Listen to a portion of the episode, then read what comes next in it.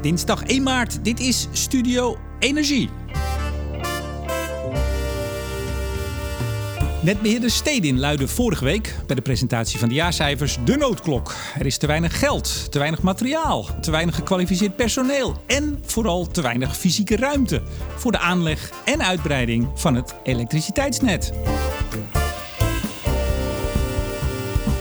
Wat zijn de belangrijkste oorzaken van de huidige problemen? Wat moet er gebeuren? En waar hebben de netbeheerders het misschien zelf laten liggen? Ik vraag het de Chief Transition Officer, lid van de Raad van Bestuur van Stedin Groep. Mijn gast deze week is David Peters.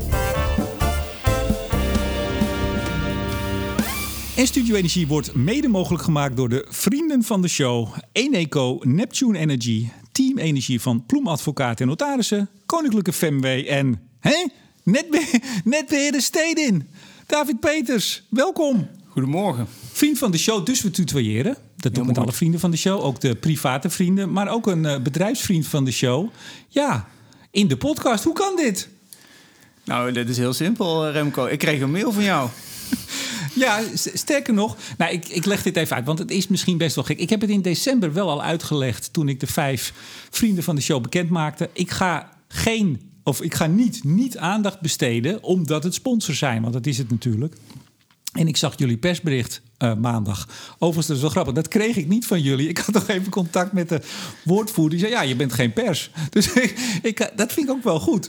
Dus ik haalde het gewoon uit de media. Ik zag toen persbericht. Jullie jaarverslag uitgebracht. Ik dacht, nou, als jullie niet vriend van de show waren... had ik meteen een interviewverzoek gedaan. Ik denk, ja, dan doe ik het nu ook. Want zou heel raar zijn dat ik denk, ja, dan doe ik het maar niet. Uh, ja, dus daar zitten we nu. Ben je nu journalist of onderzoeker, Remco? Ik ben, onders ja, ja, ik ben geen journalist, ik ben onderzoeker. Dus het is heel terecht dat ik niet de pers krijg. Nee, maar ik vind, ik vind het wel goed om uit te leggen. Want ik heb het met alle vijf de, de vrienden. Die, uh, ja, wat ik ook gezegd heb, die laten mij vol, volstrekt met rust. Die sturen niks, die bellen niet, uh, ge geven geen suggesties. Dus ik heb mij keurig gemeld woensdag uh, bij jou. En nou, het mocht, het kon. En we nemen dit op. En dat is misschien wel goed te zeggen. Ook gezien de, ik zou bijna zeggen, toch de dramatische omstandigheden. We nemen dit op vrijdag op. Als mensen dit dinsdag horen, kan er alweer een wereld veranderd zijn. Dus als we daar niet aan refereren, dat mensen zeggen: hè, waarom hebben ze het daar niet over? Vrijdag opgenomen in Utrecht, waar jij woont. Jij kwam op de fiets. En je hebt me net verteld dat je heel veel moeite hebt met stilzitten. Ja, en dat schijnt een ding te zijn met die microfoon. Dus we gaan het zien. Ja, je moet een beetje uh, met de mond uh, bij de microfoon blijven. Goed, genoeg. Uh, Chief Transition Officer, lid van de Raad van Bestuur. Uh, vrijdag, uh, pardon, maandag kwam het persbericht, jullie jaarverslag uit. Overigens nemen we dit op vrijdag op omdat je op vakantie gaat. Ook goed te melden. Op de lange latten? Ja. Oké.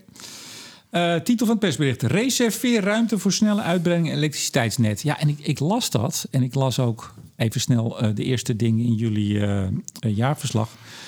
Ik dacht, wat is dit?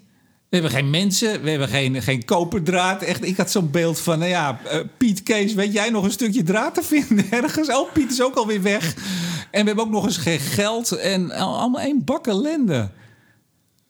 Ja, en daar, daar wil je mijn reactie op natuurlijk, uh, Remco. Kijk, ik denk dat... Uh, er zijn twee manieren om hier naar te kijken, wat mij betreft. Um, ik denk dat het goed is dat we gewoon ook duidelijk zeggen wat er aan de hand is. En uh, je zult zien dat we dat als, uh, uh, als sector, als netbeheerder steeds vaker zullen moeten doen, omdat het steeds belangrijker is. En ik denk dat we dat in het verleden misschien minder expliciet hebben gedaan. en nu hebben we dat expliciet gedaan wat er aan de hand is. En je kan er heel lang naar kijken of heel kort. Er zijn vier schaarstes. Eén, de belangrijkste daarvan is netcapaciteit. Die andere, die zijn daarvoor nodig om dat op te lossen. En er zijn vijf B's nodig om eigenlijk die belangrijkste schaarste, de netcapaciteit, op te lossen. Dat is bouwen, bouwen, bouwen en beter benutten. is, dit, is dit een gevleugelde term intern of heb je die speciaal voor vandaag bedacht? Ik heb speciaal voor vandaag bedacht, maar het, hij is niet helemaal nieuw. Oké, okay, de vijf B's. Ik moet meteen aan Harry van Rij denken, de oud-PSV-voorzitter... die nog alles is nagedaan over... wat hadden die ook alweer, de drie G's? Of de, nou ja, oh, dat weet ik niet, dat weet ik niet. Daar ga ik me niet op wagen op dit terrein.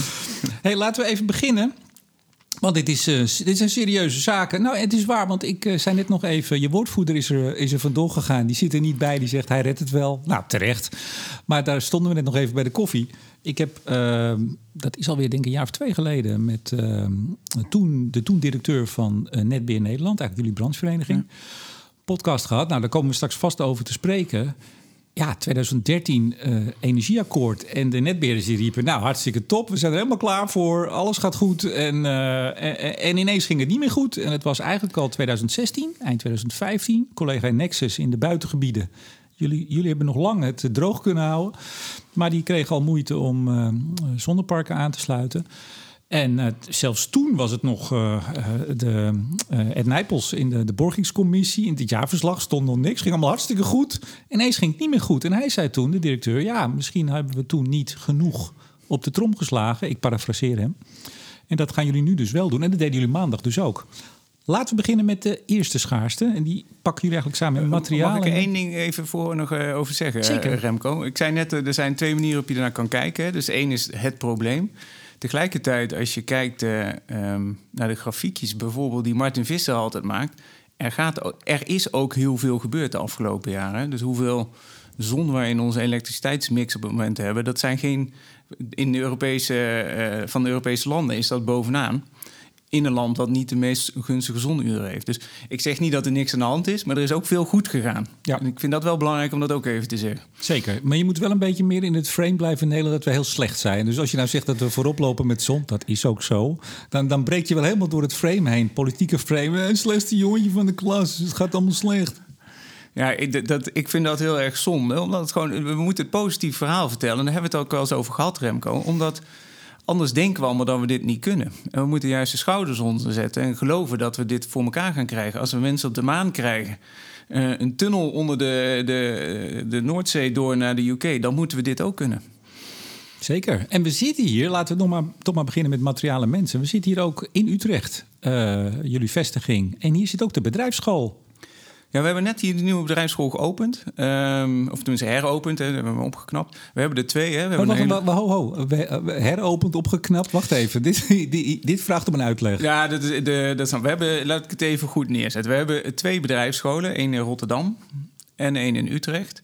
Uh, en we hebben eigenlijk het pand, zoals je ziet, het is een, een nieuw pand. En we hebben ook de bedrijfsschool uh, helemaal gerenoveerd. Dus hij was er wel, maar we hebben hem gerenoveerd. En uh, die is recentelijk geopend. Maar, na, de, na de renovatie. Maar het zijn twee bedrijfsscholen voor verschillende functies? Of zijn het gewoon twee vestigingen van dezelfde school? Ja, dus dat zijn twee uh, bedrijfsscholen omdat het natuurlijk heel lokaal is. Hè. Dus hier is het voor, uh, voor Utrecht en in Rotterdam is het voor, voor die regio. Ja. maar tekort aan, althans een schaarste, zeggen jullie nog netjes, aan, ja, hoe noem je dat, gekwalificeerd personeel, vakmensen, noem maar op. Ja, dus die school functioneert niet. Nou, dat, dat, dat denk ik niet. Hè. Er, zijn, er zijn twee verschillende orde groottes. Um, als je kijkt uh, voor de hele sector, inclusief eigenlijk alle aannemers... er komen ongeveer 13.000 arbeidskrachten tekort. Um, en wij hebben ook eigen mensen nodig. en we hebben de afgelopen periode ook echt een hele hoop mensen opgeleid. Ik heb niet direct de getal, maar volgens mij zijn het orde grote 1500. En we hebben de afgelopen jaar 200 mensen opgeleid. Um, maar het is gewoon niet genoeg. Dan kun je heel goed functioneren, maar het is nog steeds niet goed genoeg. Maar, maar waar uitzicht dat iemand? Ik, ik heb dit volgens mij wel eens vaker in een podcast gezegd, maar zeker op podia. Uh, en misschien heb ik tegen jou ook wel eens gezegd. Uh, ik ben in de jaren tachtig in Delft gaan studeren. En vanaf dat moment hoorde ik, en hoor ik nog steeds, ik hoorde laatst weer Doekle Terpstra. ik, werd, ik werd ochtends wakker. Ik dacht, oh jee, daar heb je Doekle Terpstra. En het ging weer over uh, mensen, die wilden zelfs geloof ik dat jongeren een bepaalde studies niet meer mochten doen. Van Doekle. Uh, om, omdat ze moeten allemaal de techniek in. En dat, dat hoor ik al vanaf de jaren tachtig. Maar waar uitzicht nou dat enorme tekort wat ik dan hoor? Jullie zeggen het ook een aantal jaar, de, de enorm tekort. Wordt er, wordt er werk niet gedaan? Ja, ik, de, de, uh, ik denk dat de werk inderdaad gewoon uitgesteld gaat worden. Dus niet gedaan zou zeggen dat we het niet meer doen. Maar het wordt gefaseerd daardoor. Ja, gaat uh, worden zeg je. Dus dat ja. gebeurt nog niet. Nou, ik denk dat dat verschilt per netbeheerder. Hè. En uh, um, ik, de, wij, wij kijken echt gewoon van voordat wij onze plannen helemaal afmaken, van krijgen we het gemaakt. Maar als je de sommetjes maakt van wat er op ons af staat te komen wat we nog extra te bouwen hebben, die drie B's die allemaal hetzelfde zijn. Um, ja, dan kun je ook doorrekenen hoeveel mensen je daarvoor nodig hebt. En kun je ook de conclusie trekken, die werken nu nog niet in de sector. Ja, nou, misschien zijn jullie als sector niet aantrekkelijk. Uh, nou, ik denk dat dat uh, als techniek altijd een uitdaging is geweest. Hè. Dus dat, dat is al jaren is dat natuurlijk af en toe komt dat weer naar boven, kiestechniek. ik denk eigenlijk dat dat onterecht is, om het zo maar te zeggen. Het is natuurlijk een heel mooi vak. Maar als iedereen het fantastisch had geworden, gevonden, hadden we misschien dit probleem niet gehad. Er zit ook een echte grote opschaling in. Hè. Ik denk dat dat ook belangrijk is om te zeggen. Het is niet zoiets dat in één keer mensen weg zijn gelopen. Nee, we hebben gewoon meer nodig dan wat we deden. Ja, vergrijzing lees ik dan ook altijd. Mensen vertrekken, gaan met pensioen. Ook, ook. Maar ook als je kijkt naar onze investeringsopgave, die is keer twee gegaan. Hè, dus wat wij investeren. Ja, in vijf ehm, jaar, hè, geloof ik. Ja, dus het is iets, het is uh, ietsjes meer, maar pak een beetje uh, dit. Hè. Dit is mm -hmm. de, de lekker uh, verdubbeling in vijf jaar. Um, ja, dat betekent ook regelrecht dat je eigenlijk meer mensen nodig hebt in de hele keten om dat voor elkaar te gaan krijgen. En dan heb je inderdaad al wat uitstroom door vergrijzing, maar je ziet ook dat je meer moet gaan doen. Ja, nou, meer, meer betalen bijvoorbeeld. Nou, ik denk dat uh, wij hele goede arbeidsvoorwaarden hebben. Maar ik denk ook dat we continu moeten kijken hoe kunnen we het aantrekkelijk houden. Maar die bedrijfsschool die jullie hebben, hebben jullie daar. Uh, nou, laat ik zo zeggen, hoe, hoe, hoe, hoe trekken jullie mensen aan? Ik neem aan jongeren. Je wil jongeren opleiden, misschien voor monteur of whatever. Krijg je die makkelijk binnen of is dat echt sleuren en trekken? Um, ja, dat vraagt wel gewoon aandacht. Hè? En ik, ik denk dat uh, uh, de, het, technisch vak er weer gewoon door alle aandacht weer uh, beter op staat. maar niet iedereen heeft daar interesse in. En die mensen die twijfelen, die zullen we echt moeten overtuigen. Ja, is dat makkelijk? Dat durf ik zo niet te zeggen, Remco. Ik denk dat het gewoon een fantastisch mooi vak is. Dus uh, uh, ik, uh, het zou niet moeilijk moeten zijn. Maar ik heb daar jaren geleden wel eens naar gekeken. daar praat ik volgens mij tien jaar geleden. toen waren er ook al heel veel bedrijfsscholen. De NS had er een of heeft er een. En heel veel bedrijven hebben die inderdaad het niet meer konden krijgen via de reguliere kanalen. Maar dat, dat speelde natuurlijk al, al decennia geleden. Bedrijven die veel mensen nodig hadden, jonge mensen, die gingen dus gewoon zelf opleiden met een baangarantie of een semi-baangarantie. Uh, en dat functioneert over het algemeen redelijk goed. Ja, en wij hebben, onze bedrijfsschool bestaat ook al heel lang. Hè? Dus het is niet zo dat wij nu in één keer uh, uh, een, een, een, nieuwe bedrijfsschool hebben. En wij, wij leiden al heel lang onze eigen mensen op. en dat is echt als je nog een keer eh, naar een hele mooie plek wilt gaan, dan moeten we daar echt gewoon een keer naartoe gaan. Het is echt heel leuk om te zien wat daar allemaal gebeurt en met welke passie die mensen worden opgeleid. Daar zijn, we zijn nu toch? Nou, we zitten nu in een kantoortje, oh. Remco. Maar dus, het is gewoon, we moeten meer doen. Dus we moeten meer mensen gaan opleiden door die extra opgave die eraan komt. Door de elektrificering van de energietransitie, dus eigenlijk van het energiesysteem, moet ik zeggen, sorry. Uh, moeten we gewoon meer kabels en, en kastjes bouwen. Ja, nou, er meer mensen voor nodig. Ja, nou, dat, dat gaat dus waarschijnlijk wel lukken. Goede arbeidsvoorwaarden, misschien een beetje meer betalen. Ja, maar dat, dat zie je vaak niet, hè? Dat die salarissen ineens echt omhoog gaan. Nou, ik denk dat, uh, dat is mijn persoonlijke mening, dat wij zijn niet de enige sector die een tekort hebben. Ik bedoel, als je nu naar een, een, een cafeetje om de hoek gaat, dan zie je ook al mensen schreeuwen om extra hulp en misschien is dit wel de periode waarbij we dus um, um, ja, menselijke arbeid op een andere manier moeten waarderen. En ik denk dat dat helemaal niet erg is. Ja, maar die cafés, daar ben ik geen expert op. Zeker niet op cafégebied en ook niet op personeelgebied. Maar ik begrijp dat daar flink veel uitstroom door corona is geweest. Uh, die hebben allemaal een ander plekje gevonden of ander betaald werk. En dat is nu moeilijk om ze weer terug te krijgen. Ja, dus even dat voorbeeld dan even daar Ik bedoel, het is niet alleen van de techniek een probleem om mensen te zoeken op het moment. Ja. Nou, dan heb je die mensen straks. Jullie zijn er uh, ontzettend mee bezig. En dan, uh, nou, ga maar koper in de grond. Is het koper op? Geen, geen koper. Hoe kan dat nou? Nou, de, de, je kunt dit... Blijf maar ietsje bij de microfoon. Oh, daar gaan we weer. Ik zei... Uh, ja. nee, de, ik, je kunt hier op twee manieren naar kijken. En uh, de, de, positieve kijk is, uh, vind ik, is als je kijkt naar uh, Glasgow, hè, dus de klimaatconferentie. Daar is gezegd, we gaan nog steeds voor die anderhalve graad. Ik vind dat een, best wel een succes. Dat de media er anders over schrijft, vind ik een ander verhaal. Maar dat betekent in heel veel landen dat die elektrificatie op gang gaat komen. Mhm. Als die al niet op gang was vanwege het nieuwe energiesysteem. Ja, dus de hele wereld is daarmee aan de slag. Uh, en ook daar zie je dus schaarste komen. En het is niet zo dat we geen koper hebben. Maar we hebben niet genoeg voor de hele opgave weer die, we, die we op ons af zien komen. Ja, ik moet zeggen, ik las in het persbericht nou, allemaal schaarste. Maar toen las ik het, uh, het uh, jaarverslag zelf. En daar staat er op een gegeven moment wel... Stedin wordt op dit moment nog niet hard geraakt door de materiaalschaarste. Is dat dan toch dat jullie zeggen... nou, we, we gaan nu maar eens in tegenstelling tot misschien vroeger... wat eerder piepen, zeg ik met respect. We gaan wat eerder roepen, dit zit eraan te komen? Of... Nou, ik denk dat het de ehm, uh, beide is waar. Dus ja, we hebben geleerd uh, om duidelijker en explicieter te zijn. ik denk dat dat ook gevraagd wordt van ons. En het tweede is inderdaad dat het gewoon, je kunt goed vooruitkijken wat er aan zit te komen. En bijvoorbeeld in onze digitaliseringsagenda hebben wij ook af en toe te maken met chiptekorten. Uh, en uh, zoals de auto-industrie ook heeft en al die andere industrieën. Ja, maar ik las dat uh, jullie schrijven de prijs van staal afgelopen jaar met ongeveer 70% gestegen. Um, maar er staat er, dat vond ik wel. Ik weet niet of je hier de details van weet en zo niet, dan laten we zitten. Maar er staat er door onzekerheid over het voortbestaan van een aantal staalfabrieken. Toen dacht ik, wat, wat een heel specifieke zin voor een zo globaal groot probleem. Zo specifiek dat ik er overheen heb gelezen, Remco. dus ik vrees dat ik hier heel even. Nee, ik dacht ineens nou, schuldig moet blijven. Jullie hebben kennis van ergens een fabriek die op omvallen staat. Eh, ergens in India misschien. Of Tata. Jullie, jullie preluderen op een sluiten van Tata. Laten we daar geen grap over maken trouwens. Um, maar ook koper, zeggen jullie. Um, stijgt naar verwachting de vraag. Um, verminderd aanbod van kopen door beperkte mijnopeningen. Toen dacht ik ook, wat, wat zitten ze op de blaak daar in Rotterdam toch allemaal diep uit te zoeken?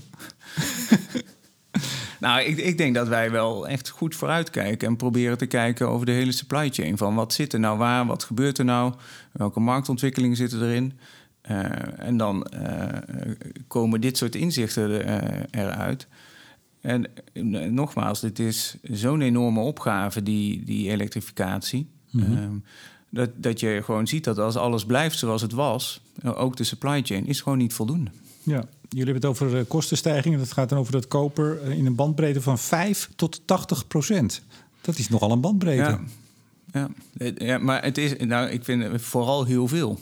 Even gewoon wat dat doet voor de kostprijs. Um, uh, het hangt een beetje van het uh, materiaal af, maar er zijn inderdaad die echt bijna over de kop gaan. Ja, we hebben nog financiering en ruimte. Welke zullen we nu als eerste doen en welke, waar zullen we mee eindigen?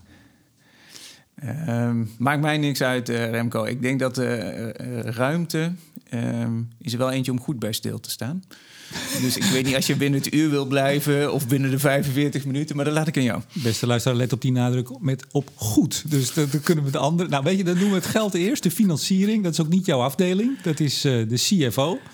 Uh, die, hier, uh, nou, die zit hier niet. Jij bent Chief Transition Officer. Dus is wel lekker, hè? Dat, dat geld is wel heel, uh, heel... Ik maak wel eens de grap dat hij het moet regelen en ik het uitgeef. Maar... Kijk, kijk. Maar even die, die financiering, want dat, dat speelt al een tijd. jij kan natuurlijk nu bij iedere vraag die ik stel... kan je zeggen, ja, dat is niet mijn afdeling. Maar jij weet, jullie zitten in die raad van bestuur. Volgens mij, jullie overleggen wel eens, hè? Meer dan genoeg. Zeker. Um, Investeringen in uh, gas- en elektriciteitsnetten voor jullie, die nemen elk jaar toe, schrijven jullie. Nou, heb je hem weer, die vijf jaar geleden het, verdubbeld, zei jullie CEO. Uh, je zei dat bek lekker, maar het is dus niet precies verdubbeld, maar ongeveer. Ah, beetje lekker. Jullie zijn helemaal, zitten er helemaal lekker in. Hè? Gewoon grote woorden, gewoon lekker roepen. Heel goed. Um, jullie hebben vorig jaar 687 miljoen geïnvesteerd. Uh, ik lees dat keurig even voor hier van een briefje.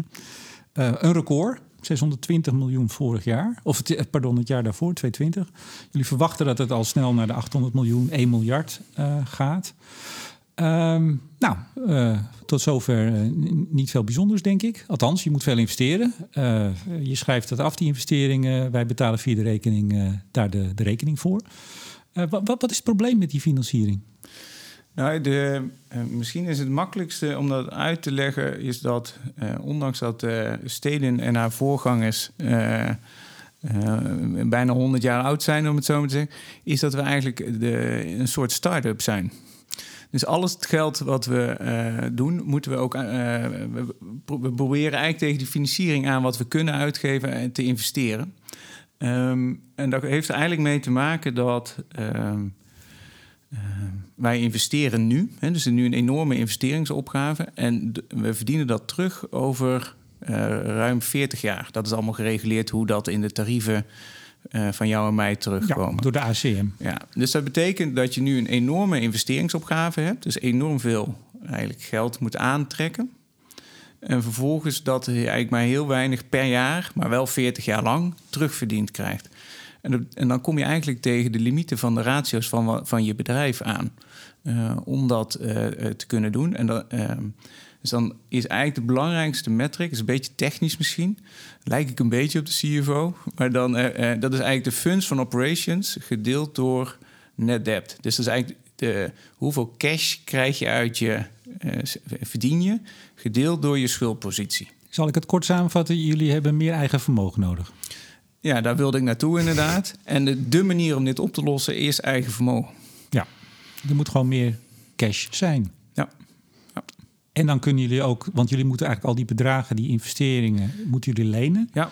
Als je voldoende eigen vermogen hebt, kun je goedkoop lenen. En die kapitaalslasten, het, het, de kosten voor het lenen van geld, dat maakt nogal wat uit. Als je een goede credit rating hebt, als je goed voor je geld bent, dan betaal je veel minder rente dan als je dat niet bent. Ja, en dus die credit rating die heeft te maken met die funds from operations, gedeeld door de uh, schuldposities, zoals ik net zei. Ja, ik heb helemaal geen verstand van geld.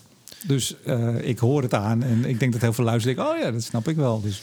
Maar het is wel, ik denk dat dit, dit is wel heel wezenlijk. Als ik vaak met mensen praat, het is precies wat jij eruit pikt, Remco. Het is eigen vermogen wat nodig is. Ja, nou, daar spelen een aantal dingen. Want ik bedoel, ik heb dan weliswaar eh, op dit vlak totaal geen sjoegen. Uh, maar ik heb het wel gelezen en ik vroeg me wel een paar dingen af. Vorig jaar, ik heb nog wat, uh, uiteraard wat artikelen teruggelezen en wat, wat berichtgeving. Um, toen zeiden jullie, nou, we hebben wel zo'n 750 miljoen, misschien wel een miljard tot 230 nodig aan extra eigen vermogen. Hè? Dus we hebben het niet over wat jullie dan investeren, want dat leen je allemaal. Maar om dat te kunnen lenen en dat goed te kunnen doen, heb je dus eigen vermogen nodig. Dat hebben we nu behandeld. Toen zeiden jullie vorig jaar, nou, 705 miljoen, een miljard eigenlijk nodig aan versterking van het eigen vermogen. Nu zeggen jullie, nou, oh, en dan moet ik even bij zeggen, jullie hebben maar 200 miljoen opgehaald. Ik zeg maar, want dat was dus licht teleurstellend. Waarom dat zo is, komen zo. Nu zeggen jullie, ja, we hebben er eigenlijk nog 1,8 miljard bovenop. Dus eigenlijk 2 miljard totaal aan versterking eigen vermogen nodig. Dat was nog maar, nou, dik half jaar geleden. Nou, pak een beetje, een jaar geleden dat jullie zeiden 1 miljard. Hoe kan het dat er in zo'n korte tijd ineens een verdubbeling blijkt nodig te zijn van het uh, eigen vermogenversterking? Nou, de, de uh, een paar dingen.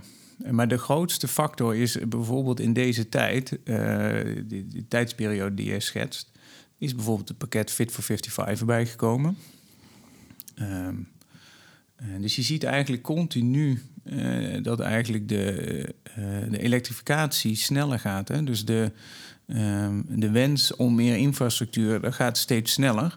Uh, en dus iedere keer als wij onze analyses maken, zie je dat de wereld weer veranderd is.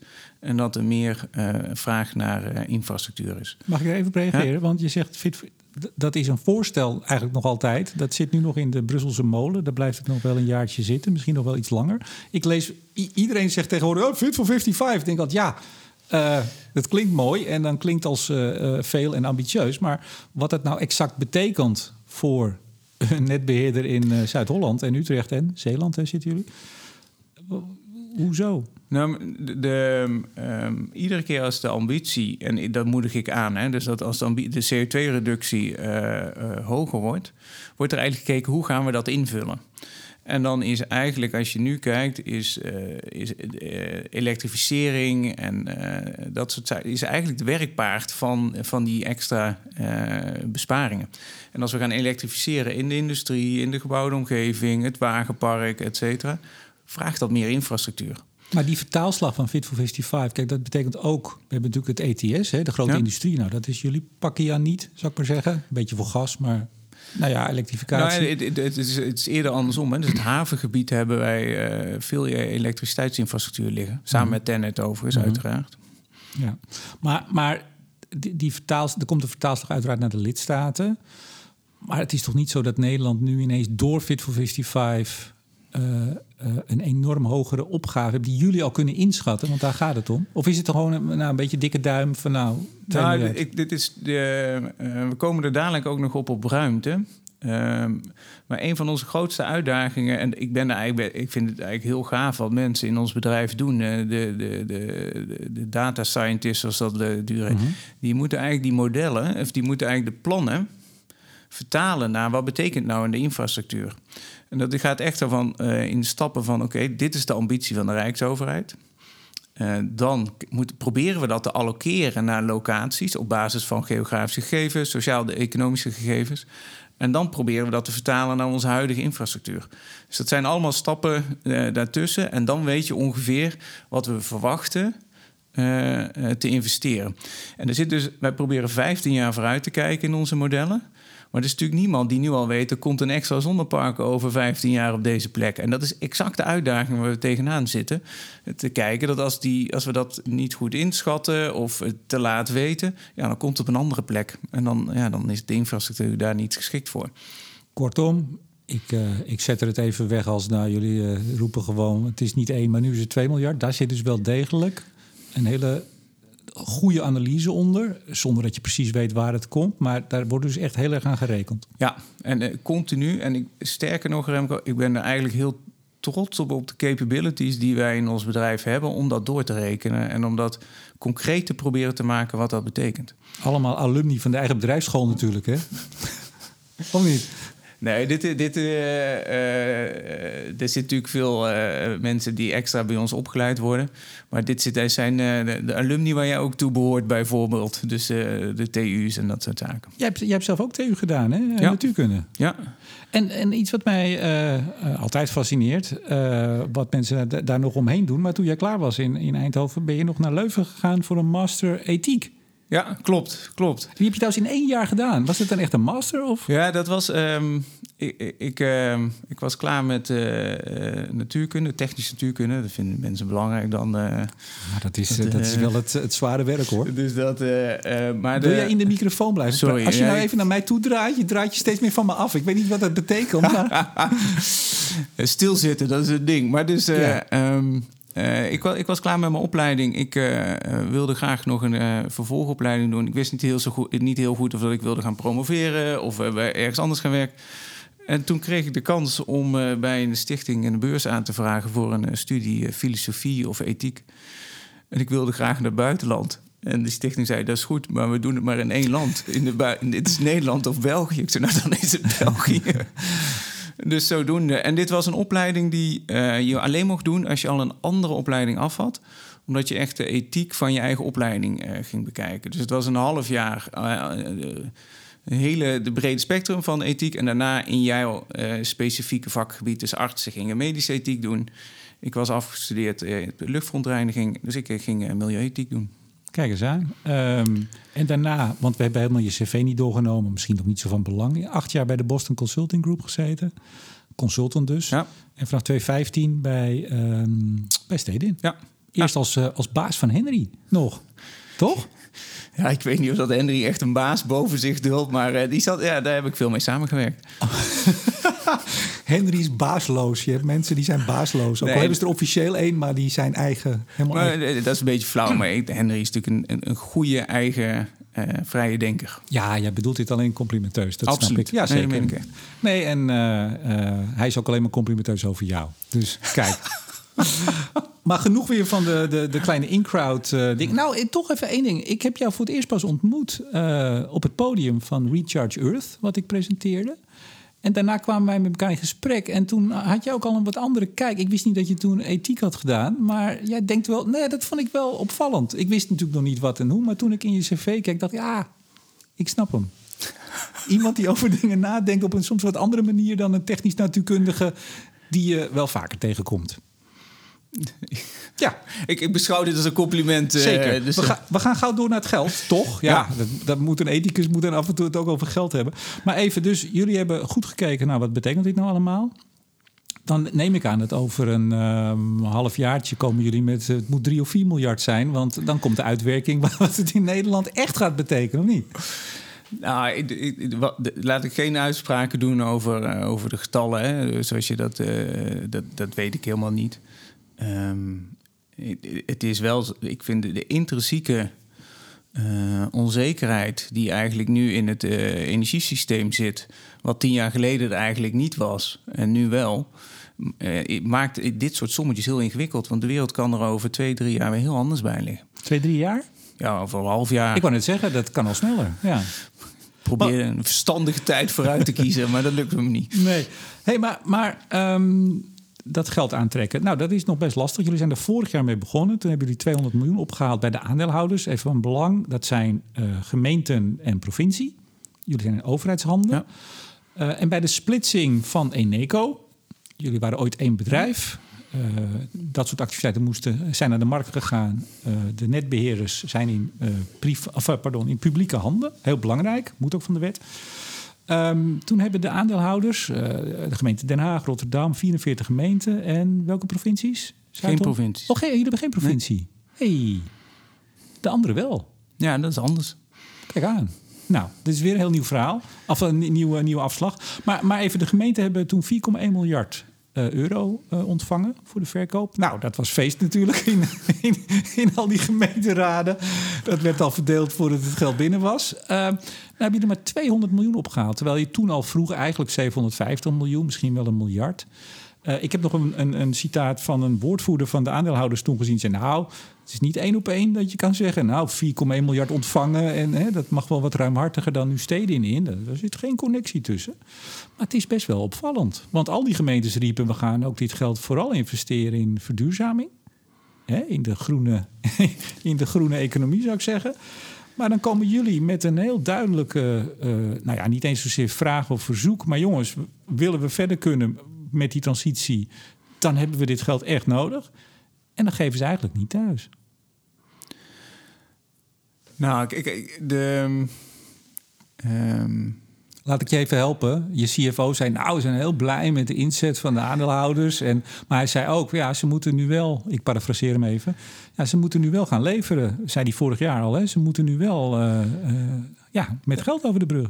Nou, kijk, de, um, ik denk het eerste wat belangrijk is, is dat um, de opgave die zich steeds meer manifesteert, hè, waar we het net over hadden, begint zo groot te worden. En het is niet alleen vanuit de verduurzamingsopgave, maar we zijn ook woningbouw, economische groei is heel groot in ons gebied. Um, Um, zien we eigenlijk dat die opgave steeds groter wordt. En je kunt je afvragen of dat, dat boven de pet reist van de huidige aandeelhouders. Hè? Dus dat, dit is meer een opgave van maatschappelijk belang dan uh, alleen steden. Ik denk ook dat um, gemeentes op dit moment, ja, die, dat, die, zitten, die hebben flinke uitdagingen voor de boeg. Hè? Dus de decentralisatie en dat soort zaken. Dus dat is, uh, dat snap ik ook, dat daar meerdere bestemmingen uh, al voor gevonden zijn. Uh, tegelijkertijd zijn we ook heel blij met de 200 miljoen, hè? want dat, dat, dat geeft dan weer ruimte. Maar we zien wel, als we de sommetjes maken en wil je volledig je, je rol spelen die er eigenlijk van je verwacht wordt, ja, dat dit op een gegeven moment uh, gaat knellen. Nee, maar nogmaals logisch. En dat zei je CFO-collega ook. Hoe heet hij eigenlijk? Zeg even Danny. Precies. Heeft ook een achternaam? Benima. Kijk, ik weet nooit waar de klemtoon ligt bij zijn naam. Ik denk, ik laat het jou zeggen. Uh, maar, maar, vorig jaar uh, zeiden jullie, nou zonder die 1 miljard uh, van het Rijk vroegen jullie toch nog geld. Komen zo even op, de nieuwe aandeelhouders wellicht. stokt de energietransitie. Dat vond ik wel, dat is wel een redelijke scherpe uitspraak. Hè? Je, je zegt natuurlijk niet van, nou ach, u kunt het wel of niet geven, maakt niet uit. Nee, er staat wel echt iets op het spel. Ja, ik denk dat dat ook klopt. Past ook in de lijn waar we net over hadden. Dus uh, veel explicieter communiceren. Um, kijk, de, uh, we hebben dat geld nodig om te investeren. Uh, nou ja, om, om een credit rating te hebben, zodat je kan lenen. En zodat je kan ja, maar uiteindelijk het hoofddoel, Remco, is natuurlijk te investeren voor dat nieuwe energiesysteem. Om ervoor te zorgen dat we naar die CO2-vrije maatschappij gaan. Um, nou, daarvoor is dat, uh, is dat geld nodig. Um, en als je dus nu niks zou doen, kun je best wel, ja, dan is dat ook de consequentie in die end. Anders is er niks aan de hand. En dan heb je dus bijvoorbeeld geen, uh, dan kun je op een gegeven moment geen zonnepanelen aansluiten of geen woningen uh, aansluiten of de storingen gaan omhoog. En we zijn er de afgelopen jaren hartstikke goed in staat geweest om gegeven de schaarste dat op te vangen. Maar dat is op een gegeven moment rek gewoon uit. En dan kom je in een, in een situatie dat je afvraagt van dit is een, een, een, in mijn optiek een maatschappelijke uitdaging. En niet alleen een kleine uitdaging van, van steden. Maar wij, wij willen met z'n allen door ehm, in die energietransitie in die woningopgave, want de, de, de, het is het hele pakket uh, uiteraard. Ja, dan, dan is dat wel wat er gaat gebeuren als, er, uh, als we dit niet oplossen. Ja, jullie zijn nu in gesprek, ook met het Rijk, jullie ja. met iedereen in gesprek, ministeries, ja. uh, je aandeelhouders, de gemeente. Ik begrijp dat jullie kijken naar ook nieuwe aandeelhouders die zouden kunnen toetreden. Wat denken jullie aan? Nou, de, uh, nou, we hadden het net al over. Hè. Je was net verbaasd over uh, dat uh, we geen provincies hadden. Nou, dat soort dingen. Dus als je kijkt naar, onze, naar ons verzorgingsgebied versus onze aandeelhouders, dan zitten daar wat mismatches tussen, om het zo maar te zeggen. Dus daar kun je aan denken. Ja, en ook bijvoorbeeld het Rijk. Ja, en misschien ook nog wel daarbuiten, buiten overheden. Ja, dat gaat dus niet. Dus je hebt uiteindelijk. Nou, ik las ergens, dan zeggen jullie ja, dan moet er een wetswijziging komen. En dat kan altijd. Een dat, wetswijziging kan altijd. Dat ben ik met je eens. Maar de vraag is wat het snelste is. En uh, uh, wat, uh, wat uiteindelijk ja, wat het snelste is en wat het makkelijkste is om te regelen. Ja, en in mijn optiek heeft Nederland best een fundamentele keuze gemaakt over hoe we dit soort dingen willen organiseren met elkaar ik verwacht niet dat de wet sneller gaat dan uh, wat we nu aan het doen zijn bij de huidige aanhouders. Dat vind ik wel jammer, want ik zou ook wel willen investeren. Want ik begrijp dat jullie 3% rente betalen. dat krijg ik nergens. Althans, als ik, uh, ik bedoel, ik ben heel veilig. Ik, ik wil gewoon in veilige dingen, uh, nou niet eens beleggen. Ik wil gewoon wat rendement. Ik wil niet beleggen. Maar als ik bij jullie gewoon gegarandeerd 3%, nou, dan teken ik in. Ja, dat is niet het model wat we met elkaar in Nederland hebben gekozen, uh, Remco. Jammer. Nee, het is 3%, hè? Nou, dat is op, dat is op, die, dat is op een stukje, ja. Oh. En, en, dat, ja, dat is niet op het hele eigen vermogen natuurlijk, maar dat klopt. Nee, maar het is voor die, uh, eventueel, ken die provincie Zuid-Holland. Nou, die is ook altijd bezig met de transitie, dus die, die stappen in. Ja, die moeten wel, die kunnen nou, ik, nou niet... Ik denk niet dit, dit kan niet zo doorgaan uh, voor alles. Dus hoe dat precies, uh, zeg maar, welke constructie we daarvoor kiezen... dat lijkt me niet... A, dat weet ik niet. En B, niet verstandig om daar nu heel veel over te zeggen. Nee, jij wil niet over meneer De Mos. Die zag ik ook in de groep De Mos in Den Haag. En die zei, nou, moet maar eens even kijken en zo. En dat gaan we het allemaal niet over hebben nu. Eigenlijk. nee, maar die, die, kijk, eh, Rotterdam is natuurlijk ook een gemeente die ontzettend uh, groot, groot aandeelhouder ook, eh, Den Haag ook. Uh, ja, die roepen heel veel. Dus ja, ik kan me voorstellen dat jullie uh, CFO Danny nu langskomt. Ja, nou kom op dan. Dan moet je, moet je ook investeren, toch? Wanneer gaan we er iets over horen? Nou, ik denk uh, dit jaar moet er wel meer duidelijkheid zijn. Dus in ieder geval voor 31 december 2022. Ja, nou, dat is een antwoord van niks natuurlijk, want het is nog heel lang en het is heel formeel. Moet sneller, denk ik. Nou ja, het liefst zo snel mogelijk. Hè? Want, dat, uh, maar dit zijn niet processen die uh, zich laten dicteren door, uh, dit soort, door ons hier, om het zo maar te zeggen. Ja. Ik, ik kijk even met één schuin oog op de klok. Jij moet zo naar, naar Oostenrijk, althans vanmiddag. Nou. Maar we, we, gaan, nee, we gaan niet te ver uitlopen. Nee, dat was een interessant onderzoek. Dat wil ik toch nog even noemen. En anders moeten mensen het even opzoeken. Um, april vorig jaar volgens mij, PwC, in opdracht van jullie, van de netbeheerders ja. en van Tenet Gasunie, dacht ik niet. Maar die werden wel meegenomen, geloof ik, in de analyse. Tot 2050 moet er zo'n 100 miljard, 102 miljard, vind ik altijd mooi, 102 miljard. Even mensen zitten rekenen. 102 miljard tot 2050. Ja, we lachen erom. Uh, moet geïnvesteerd worden in elektriciteits- en gasnetten. Uh, nou, toen, toen, ging het er eigenlijk ook al over hè, dat de netbeheerders uh, aan groep uh, zich zorgen maken over de financieringsmogelijkheden. Um, en dat er aan eigen vermogen tot 2050 zo'n 20 tot 30 miljard bij moet. Nou zag ik gisteren donderdag Alliander, hè, kwam ook met de cijfers. Ja, jullie zitten eigenlijk allemaal een beetje met hetzelfde punt? Hetzelfde probleem. Nou ja, ik denk ook dat uh, de, de, uitdagingen zijn ook min of meer hetzelfde. Hè? Dus het, de, de, de, vraag naar infrastructuur gaat gewoon omhoog. En de, de, regels van het spel zijn voor iedereen hetzelfde. Dus vroeg of laat loopt iedereen tegen dezelfde limiet aan. Ja, dan hebben we nog de WAC, de Weighted Average Cost of Capital. Daar gaan we nu maar niet te diep op in. Maar als je aan die knop draait, als je dat op een andere manier rekent, als de ACM er op een andere manier mee rekent, niet reëel, maar nominaal, dan zou dat enorm veel schelen aan die kapitaalslasten. Ja, wat dat dus doet, is, ik had het net over de, je funds from operation, een beetje technische -hmm. termen uiteraard, maar hoeveel je, je verdienvermogen gaat dan wat omhoog. En dat is goed voor die rating. Ja. We gaan naar ruimte, het laatste. Want dat was eigenlijk jullie speerpunt in het persbericht Ja. ook. Stond erboven. Wat was het ook alweer? Reserveer ruimte voor snelle uitbreiding elektriciteitsnet. Dat was ook een oproep aan overheden. Ook aan het Rijk, maar vooral Ja. ook aan gemeenten, provincies. En toen dacht ik, dat doen ze nu dus niet. Dus, dus iedereen zegt, nou ja, doe maar wat leuks. Eh, we zien het wel. Of zo. Ik bedoel, men houdt nu helemaal geen rekening. Nou, ik denk dat eh, eh, ehm, te weinig. En, en, en dat is geen verwijt.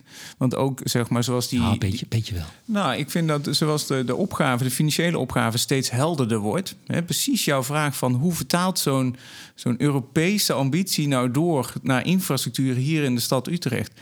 Ja, dat, dat duurt even voordat die ver- vertaling eh, eh, er is. Ehm, ja, en dan moeten er gewoon heel veel huisjes, elektriciteitshuisjes bij. En, Nou, duizenden. ja, duizenden. En, maar echt heel veel in een stad. En dat is echt gewoon. Daar moeten we aandacht voor hebben. Dus als je nu een nieuwbouwwijk bouwt en je houdt geen rekening met de infrastructuur. Ja, dat, dat, dat gaat niet meer in deze tijd. Dus dat is één deel van het verhaal. Aan de andere kant is als je, nou, je hebt de, de congestiekaarten uiteraard eh, gezien en dan veel rood. Daar moet heel veel grote stations ook van Tennet bij. Hier, eh, als je op de weg terug naar huis, ongeveer van eh, Utrecht naar Amsterdam bij Breukelen, kijk je niet naar, naar het motel, maar naar de linkerkant. Daar zit een groot, eh, een groot station van Tennet. Dat heeft 10 tot 15 jaar geduurd voordat die gerealiseerd was, vanwege discussies rondom ruimte. Van zo'n station is 70% van de tijd is discussie, gesprekken met de omgeving. En dat moeten we sneller doen. Ehm, Maar dan moet je dus ook al veel eerder weten waar al die Ja. huisjes, of dit, in dit geval een grote, moet komen. Ja, en dat is de uitdaging. Hè. Dus bijvoorbeeld, eh, wij zijn hartstikke blij eh, met alle plannen, de regionale energiestrategieën, et cetera. Maar als die niet concreet zijn, dan, ga je zo, dan is het heel moeilijk om daarna weer aan te geven waar, welke plekken je moet reserveren en dat soort dingen. Dus het is zo belangrijk om eerst die plannen goed door te vertalen, concreet te maken en op tijd het gesprek over die ruimtelijke inpassing te gaan. Nederland is een land waar we eigenlijk is best klein. We hebben weinig ruimte, dus we moeten zo zorgvuldig die puzzel leggen met elkaar. En ik denk ook niet dat Nederland een land is waarbij we eh, niet meer naar de lokale belangen gaan kijken. Draagvlak is echt belangrijk. Dus dit soort processen vragen tijd, maar we moeten het wel versnellen. Maar de vraag is, kijk, die ressen, dat, dat is in de meeste gevallen ook nog helemaal niet geconcretiseerd. Hè? Dat zijn een soort reserveringen aan, aan megawatten die men heeft gedaan. Maar waar dat dan landt, of dat nou zon, wind, et cetera, is... Nou, bij sommigen is het wat Dus concreter het dan bij scheelt anderen. echt per res. Hè? Ja. Er zijn er bij, eh, ehm, in, eh, nou, ik zal even geen namen noemen, want voor je het weet zit ik ernaast. Maar de, de, de- die, die zeg maar nog maar 12% niet concreet hebben nou, de- van de ambitie. En er zijn er bij waar nog 80% niet concreet is. En dan zijn het onderzoeksgebieden. Ja, en dan wordt het heel moeilijk om daarop te anticiperen. Maar zelfs als het concreet is, als 88% concreet is, wil dat nog niet zeggen. Sterker nog, Dat de ruimte Dat- gereserveerd is. nou ja, dat, nee, dat die projecten er zullen komen. Nou, dat klopt. Hè. Je ziet de, eh, ehm, dat niet alles eh, wat gereserveerd is, dat dat uiteindelijk eh, gebouwd wordt. Hebben jullie net een station eraan gelegd? Komt er geen windpark? Nou ja, kijk, dit, dit, dit, is de. Dit is echt een heel boeiend onderwerp. Want het liefste wil je wel eigenlijk klaar zijn. Hè? Dat, dat is, anders was die kaart niet rood geweest. Had je, eh, had je willen anticiperen. Maar tegelijkertijd eh, zit er eigenlijk een soort penalty in... als je dat had geanticipeerd en je zat mis. Dus wat wij altijd deden vanuit het verleden was zeggen... eh, we gaan pas aan de slag als we het zeker weten. Als er een vraag is van een klant, gegeven de schaarste. Nou, en ik denk dat we daar ook eh, manieren moeten vinden... eh, om dat op een andere manier te doen... en daar ook niet eh, een penalty voor te krijgen... omdat als, als het fout zit. Want dat, de, de incentive van het systeem is eigenlijk... ja, wachten totdat je het zeker weet. Ja. En dat is niet degene die in belang is van de energietransitie. Nee, want jullie mogen, hè, jullie zijn streng gereguleerd door die ACM. En jullie, ja, dat is allemaal geld van ons allemaal. Dus jullie worden streng aan de leiband gehouden. Dat jullie alleen maar investeren. Nou, dat er geen geld verspild wordt. Dat is Ja, en, eigenlijk. en dat, dat is heel logisch. Hè? Ik bedoel, dat begrijp ik heel goed. Maar de vraag is, in mijn optiek... eh, ga je hier alleen naar eh, de betaalbaarheidskant van het energiesysteem kijken... of ga je ook wat meer naar die duurzaamheidskant kijken? En, en, en zit daar een andere eh, afweging in? Dat je zegt, ja, wat maakt het nou uit als je op tijd... eh, ergens hebt geanticipeerd en dan kost dat wat meer. Ja, en als er, als er nog wat koper gevonden is ergens. En, en, ja, maar er, en komt nog een ander ding bij. Ik denk infrastructuur is heel structurerend. En daar klinkt even, daar moeten we altijd even over nadenken. Maar als je kijkt naar eh, fietspaden eh, in steden, die zorgen ervoor dat mensen gaan fietsen. Als je waar je je, prullenbakken neerzet, bepaalt hoe de afval gaat zijn. Dus je kunt ook an- andersom doen. Als je gewoon zegt, ja, ik, ik, op deze plekken ga ik mijn infrastructuur maken, dan moeten de zonneparken daar komen. Zei je nou dat, dat het fietspad bepaalt dat mensen gaan fietsen? Of ik, waar ze gaan fietsen wel? Want Ja, op dus het pad, dus maar- wij, wij praten heel vaak in Nederland over infrastructuur als faciliterend, maar ik denk dat het ook structureert. Dus eh, eh, een- als je een huis ergens gaat kopen, ga je gewoon kijken hoe is de OV ontsloten, hoe eh, lig ik ten opzichte van de snelwegen, et cetera. Ja, misschien moeten we dat ook voor de energieinfrastructuur doen. Maar dan kom je wel, en da- daar kunnen we nog, eh, nog uren over doen... maar dan kom je op een heel eh, glad ijs. eh, kom je op glad ijs. Want dat is nou juist in die ressen... en wat, daar gaan we nog heel veel ellende zien de komende jaren... eh, waarbij, eh, frac, nou ja, we hebben gemeenteraadsverkiezingen... weer nieuwe fracties, afsplitsingen van afsplitsingen... die op hoge poten met lokale media achter zich... het verzet tegen iets gaan organiseren. Als dan blijkt dat de gemeenteraad zegt of een provincie... ja, maar maar meneer Peters die heeft al bedacht dat daar het zonnepark moet komen met, eh, met collega Danny.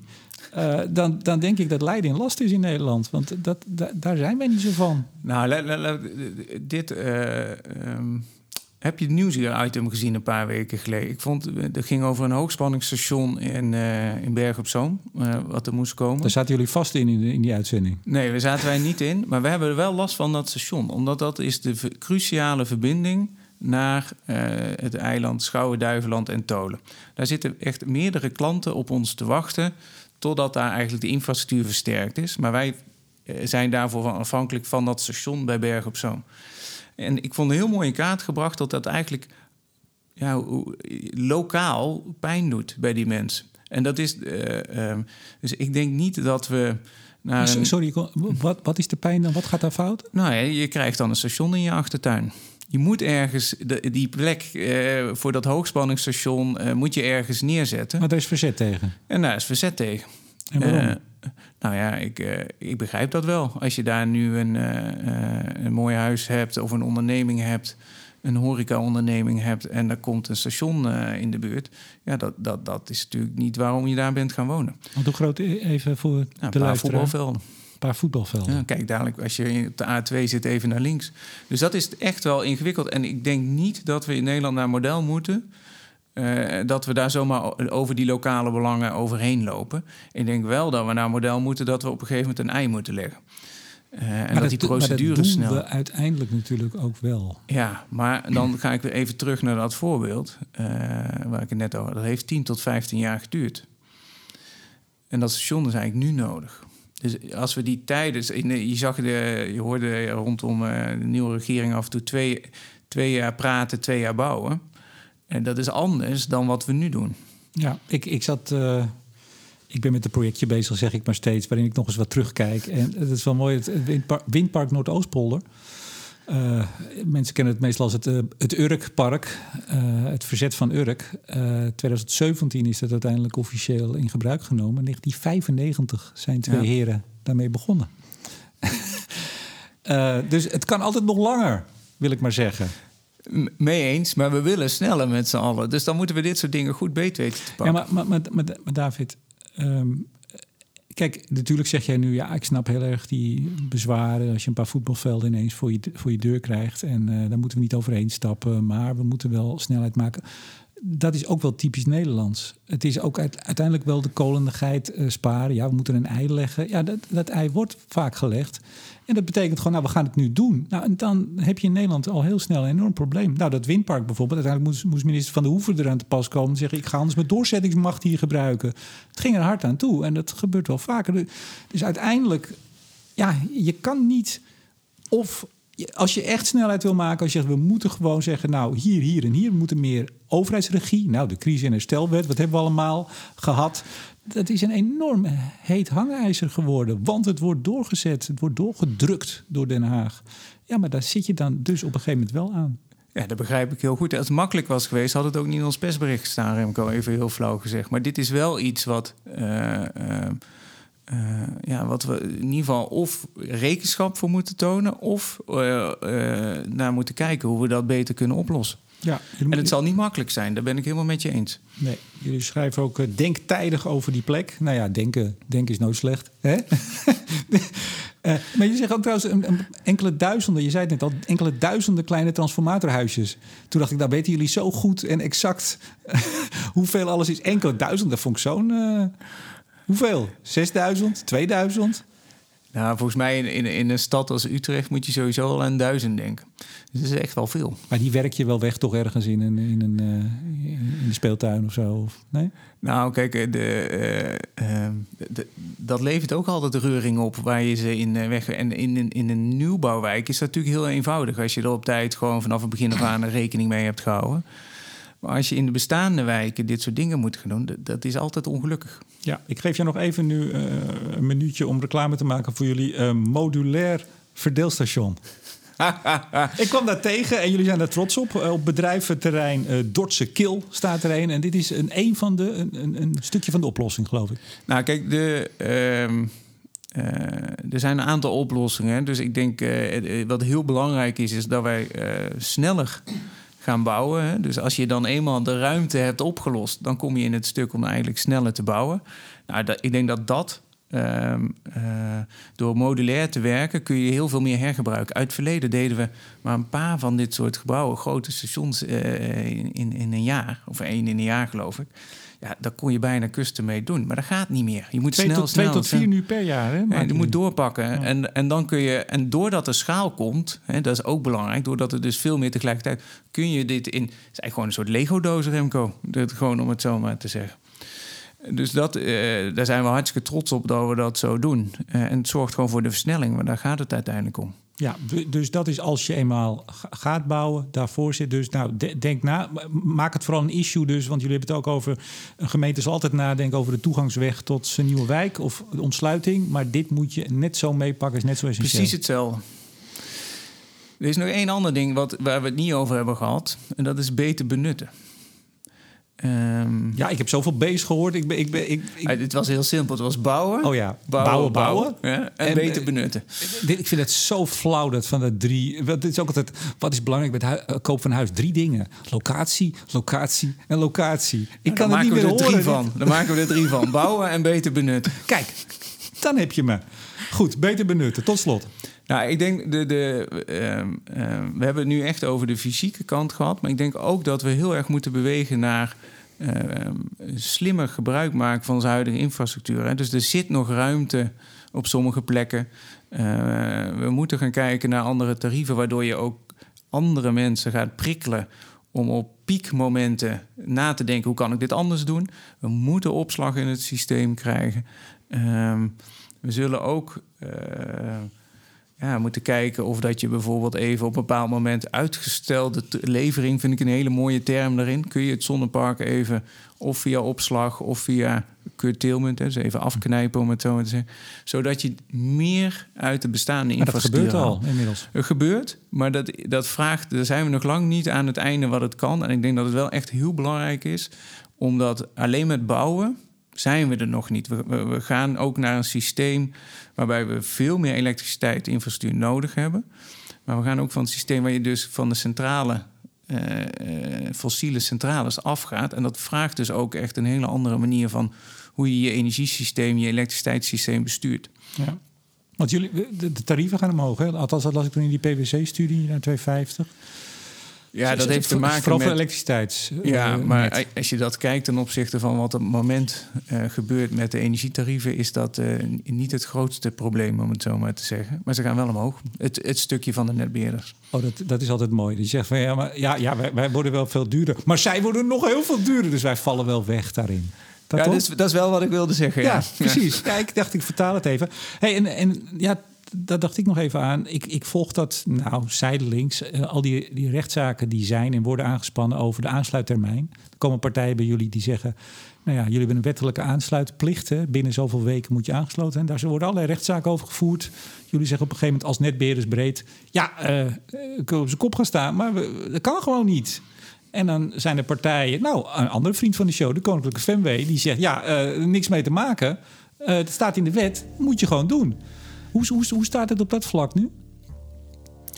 Nou, ik denk dat we daarna aan het kijken zijn hoe we dan naar de toekomst, hè, dus in, in, in nieuwe wetgeving, beet moeten pakken. Ehm, oh, dat vind, dat vind ik een antwoord. We moeten kijken hoe we dat in de toekomst beet moeten nou pakken. Ja, kijk, de, de, de, volgens mij is er aan de situatie niet heel veel veranderd, uh, Remco. Ik denk dat wij als. Uh, dat stond ook in het jaarverslag, dat we in staat zijn als steden nog om 90% van de klanten op wensdatum of binnen die 18 weken aan te sluiten. Wat echt, waar ik echt trots op ben om het zo maar te zeggen dat dat lukt. Uh, maar je kan op een gegeven moment niet uh, ja, ijzer breken met twee handen, om het zo maar, maar vinden zeggen. jullie de rechter dan, want die heeft de wet waarin gewoon klip en klaar staat dat moet. Vinden jullie de rechter al aan je kant of, of worden jullie nog steeds veroordeeld dat je ja. Ik durf het niet zo te zeggen. Dat zal per zaak afhangen. En uh, ik heb niet het idee dat we daar nu als steden zijn heel erg uh, grote zaken hebben lopen. Hm. In ieder geval niet die bij mij terecht zijn gekomen. Oh, dat, kijk, kijk, kijk, daar dekt hij zich in. Dus het kan zijn dat kan je zaak... dat niet te doen, maar bij deze gaat het glad ijs. Goed zo. David Peters, Chief Transition Officer en lid van de Raad van Bestuur van Steding Groep. Hartelijk dank voor het gesprek. Graag gedaan. En uiteraard bedank ik ook jullie weer, beste luisteraars. En in het bijzonder, jawel, alle vrienden van de show. Waaronder Koninklijke FMW, Team Energie van Ploem Advocaat en Notaris... en Neptune Energy, Eneco en, jawel hoor, net weer de Stedin. Tot zover. Mijn naam is Remco de Boer. Graag tot volgende week.